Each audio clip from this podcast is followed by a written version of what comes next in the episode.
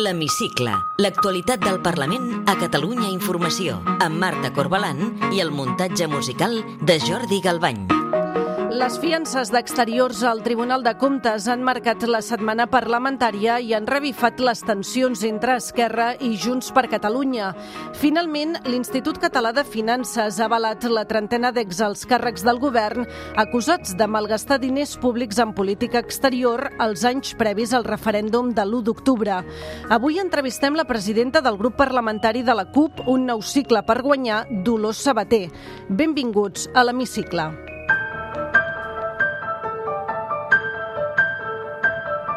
El conseller d'Economia, Jaume Giró, va descartar dimarts que l'Institut Català de Finances desemborsés directament les fiances reclamades pel Tribunal de Comptes de més de 5 milions d'euros.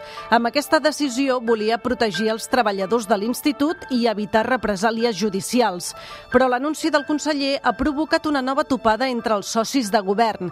Esquerra i Junts s'han acusat mútuament de no voler fer servir aquesta via, tot i que està prevista el decret del govern. Després d'una conversa amb el president de la Generalitat, Pere Aragonès, el conseller d'Economia rectificava aprofitant una interpel·lació al ple del Parlament. Gent de l'Institut Català de Finances que m'ha demanat, si us plau, que per ells no quedi i que intentem utilitzar aquesta disposició addicional tal com està previst en el decret llei i que, per tant, això és el que farem. El president aragonès ha celebrat la rectificació. Crec que avui també toca fer un agraïment al conseller Giró també per l'anunci que ha fet avui, pel compromís demostrat i pel treball conjunt. Amb ell hi està el conjunt del govern. Ciutadans ja ha demanat a la Fiscalia del Tribunal de Comptes que no accepti que l'Institut Català de Finances avali els exalts càrrecs del govern. Dos mesos després que Esquerra i la CUP signessin l'acord que va permetre la investidura de Pere Aragonès, aquesta setmana s'han començat a veure els primers gestos. El primer és que el Departament d'Interior deixarà de tenir un gabinet jurídic propi a partir d'aquest mes d'agost. Això vol dir que els advocats que fins ara portaven la defensa dels Mossos d'Esquadra s'integraran als serveis jurídics centrals de la Generalitat.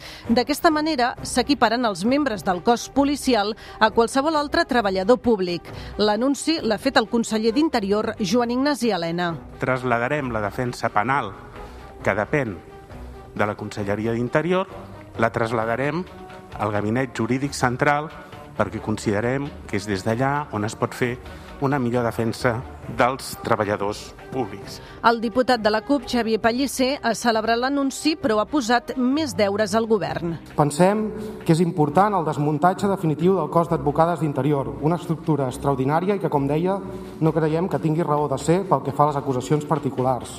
La retirada de les acusacions particulars contra manifestants, acabar amb els fitxers policials i les identificacions per motius ideològics, unes hores després d'aquest anunci, el Parlament també donava llum verda a crear una comissió d'estudis sobre el model policial de Catalunya que revisi els criteris d'actuació en ordre públic. Aquest també és un dels punts de l'acord d'investidura. La comissió es constituirà a proposta de la CUP, Esquerra, Junts per Catalunya i els Comuns. El PSC s'ha abstingut i Vox, Ciutadans i el PP hi han votat en contra. Sentim la cap de files de la CUP, Dolors Sabater, el diputat de Junts, Jaume Alonso Cuevillas i el republicà Shakir El Homrani. El que estem demanant és un gir de 180 graus. Jo crec que tenim una policia en general, un model policial, un model de seguretat pública bo, però evidentment, evidentment molt i molt perfectible. Entenem que l'objectiu prioritari del cos de Mossos d'Esquadra és i ha de ser preservar l'exercici dels drets civils i polítics de tota la ciutadania. Un dels debats que abordarà la comissió d'estudi és si s'ha de prohibir o no l'ús de bales de fuam. Els comuns en demanen una moratòria, almenys fins que la comissió acabi els treballs. Marc Parés és diputat d'en Comú Podem. Mirin, no podem permetre que Catalunya, avui, amb les eines policials i els protocols vigents, quan surts a manifestar-te, corres el risc de perdre un ull. I conseller, em sap greu, però no podem esperar.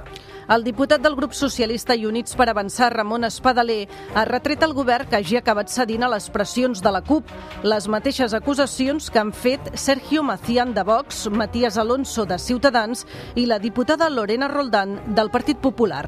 És el segon triomf el dia d'avui per part doncs, dels seus socis de govern, veig que senteixen de, de la CUP, han acabat imposant no la revisió d'alguns aspectes d'ordre públic, no, el model policial mateix. Nos parece un gravísimo error dejar el diseño del modelo policial en manos de la CUP. I no tenen el mínim rubor en fer servir els Mossos com a moneda de canvi per mantenir la feble majoria que ha sortit de les urnes. Que la CUP iba a marcar el rumbo de este gobierno, eh, muchos ya lo sabíamos. Que eso sería nefasto, también.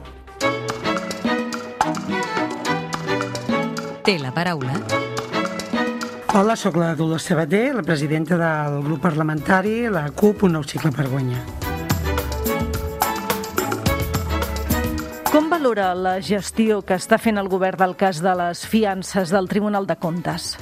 Home, vam tenir un ensurt, no? Penso que ens el podíem haver estalviat perfectament. El senyor Giró um, primer va dir que no es podria fer, crec que és el que tocava. El, el govern ha d'estar compromès en la lluita antirepressiva i en aquests moments la lluita antirepressiva passa per avalar um, aquests, aquestes quantitats que s'han de posar, s'ha de fer aquesta aquesta aportació i, i en tot cas cal veure també què fa l'Estat, no?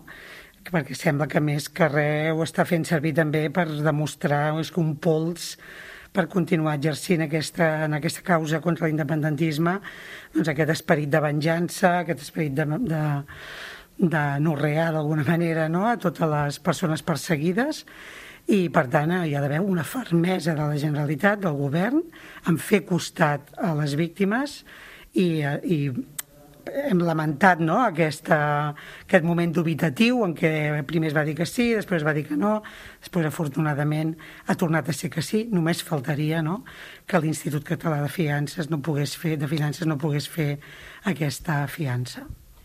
Amb el rerefons d'aquest cas del Tribunal de Comptes, la Comissió Bilateral Estat-Generalitat es reunirà la primera setmana d'agost i la taula de diàleg entre els dos governs, el català i l'espanyol, ho farà al setembre. Què n'esperen?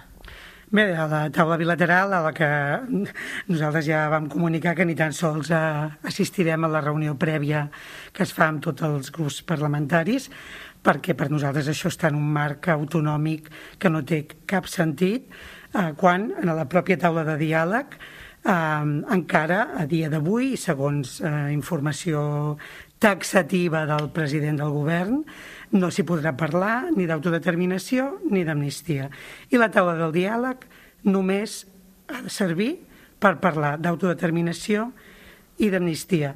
I si això no existeix, la taula, una altra taula bilateral per parlar de què? Vostè acaba de dir que en aquesta taula de diàleg només s'ha de parlar d'autodeterminació i d'amnistia, però el president del govern espanyol, Pedro Sánchez, ja ha dit que ni una cosa ni l'altra. Eh, vista aquestes declaracions, s'hauria de revisar i escurçar el termini de dos anys que s'ha donat de marge a aquesta taula de diàleg? En tot cas, nosaltres hem eh, acceptat eh, que, que Esquerra, no, eh, que ells creuen que això tindrà recorregut, Eh, però això no vol dir estar de braços plegats esperant aquests dos anys, sinó que vol dir que eh, paral·lelament hi ha d'haver gestos clars per part del govern i els, els demanem, els, els, els, els exigim, els necessitem, gestos clars d'aquesta reactivació de l'espai independentista, de l'estratègia independentista per, eh, per reactivar l'independentisme i anar-nos preparant pel que vindrà segur perquè l'exercici d'autodeterminació eh, l'haurem de fer, ja veiem clar que no hi haurà cap proposta de l'Estat que sigui no, en, el, en el marc d'una entesa i, per tant, haurem de tirar per, per una via eh, unilateral segur, no? Llavors, eh, el que no, diguem, paral·lelament hi ha d'haver les, dues, les dues coses. Mm, vostè em pregunta pel termini ja es veurà, però és evident que no esperarem els dos anys. Eh, això ho, ho ja vam quedar, que ho aniríem revisant i ho aniríem avaluant. Això també formava part de, de l'acord, que aquests dos anys es, es aniria veient no, com avançava aquesta, aquesta taula i és evident que caldrà un replantejament eh, més aviat que tard. La CUP estaria disposada a entrar al govern si això es traduís amb més força per fer aquest referèndum? De moment, nosaltres estem condicionant des de l'oposició. Penso que estem fent molt bona feina, estem siguent amb molta responsabilitat, estem eh, empenyent perquè les coses passin i és des d'aquesta posició que ens situem i no podem plantejar-nos en una altra si no veiem canvis que de moment no hem vist. Nosaltres, de moment, veiem molt bones paraules, Um, però els fets uh, encara estan molt lluny de demostrar-nos tant en l'enfocament de la legislatura en relació a les relacions entre Catalunya i l'Estat com en la, amb la valentia i amb la uh, pressa amb què caldria prendre decisions com les d'aturar els desnonaments, ja no que no hi vagi uh, els Mossos a executar-les defensant el dret dels, de, dels fons voltors i de les elites en comptes de defensar a la població, sinó amb el fet d'acabar amb aquesta, amb aquesta equació en la que tenim pisos buits i gent sense casa i en la que cal prendre decisions eh, molt més ràpides de les que s'estan prenent per tenir doncs, aquest banc d'habitatge públic que és una urgència, una emergència per la, pel país no? I, i moltes altres coses. Llavors, nosaltres estem treballant cada dia, estem eh, empenyent i estem amb aquesta predisposició, però amb aquesta exigència. I, per tant, a dia d'avui no puc respondre què acabarem fent, perquè dependrà de què acabi fent, què, què vagi fent el govern. Vostè deia eh, ara mateix que d'aquest nou govern de Pere Aragonès només sent paraules però no fets. Fa uns dies el diputat del seu grup, Carles Riera, va avisar que la corda avui és més tensa que quan van signar l'acord de legislatura amb Esquerra. Hi ha perill que, que es trenqui aquesta corda? Bé, és evident que mm, ho deia molt bé el diputat Carles Riera en el sentit de que, clar, quan, va, quan tu tens unes expectatives no, perquè les coses passin, doncs a mesura que va passant el temps, eh, si les coses no passen, doncs evidentment la tensió augmenta, no? I és cert que, que hi ha indicis, hi ha petites coses que, que passen, no? I que ens, les hem de valorar, no? Però les hem de valorar com lo petites que són, no? I, i que no n'hi ha en absolut prou per poder fer una valoració positiva del que està sent el desenvolupament de, de l'acord. No? Un dels punts on es podria eh, veure si es tensa o no aquesta corda és en l'aprovació dels pròxims pressupostos de la Generalitat per al 2022. El conseller d'Economia, Jaume Giró, ja ha activat els tràmits per preparar aquests comptes. Està garantit el suport de la CUP? Bé, han passat coses que ens han preocupat molt. En, en pocs dies hem tingut doncs, eh, model econòmic, model de desenvolupament econòmic, aquest suport a l'ampliació de l'aeroport del Prat, el suport als Jocs Olímpics, que sí, que tenen el compromís de fer la consulta, però ja per endavant estan tornant a caure, estan eh, siguent connivents, diguem, amb aquesta idea de que l'economia s'aixeca tornant als models antics, tornant als esquemes que ja es van demostrar que eren fallits, si li sembla bé, ens endinsem ara en el terreny més personal. Li demano si pot contestar amb respostes a partir d'ara el màxim de breus possibles. Què fa una llicenciada en Ciències de l'Educació com vostè fent política? Doncs intentant transformar-la i aportant el, el molt que té de positiu la, la pedagogia i les ciències de la vida, de l'activisme de viure amb compromís, perquè viure és prendre partit, a, a portar-ho a, a la política. Quina injustícia social l'enerva més? N'hi ha moltes en aquests moments als desnonaments.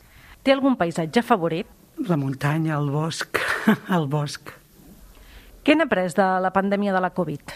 És que mm, la seguretat humana no es defensa amb els exèrcits, no es defensa amb la militarització ni amb els pressupostos eh, militars, no es defensa amb la monarquia ni amb la corrupció política, es defensa amb els serveis públics, amb la, sobretot amb la sanitat, que retallar la sanitat mata. I ja per acabar, completi breument la frase següent. El que més m'agradaria del món és...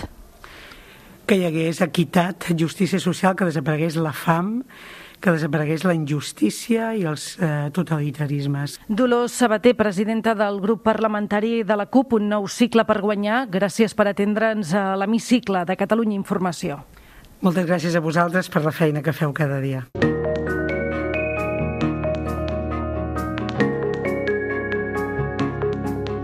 Podeu tornar a escoltar l'hemicicle al web catradio.cat barra hemicicle o al podcast del programa i seguir l'actualitat del Parlament al perfil de Twitter arroba L-hemicicle.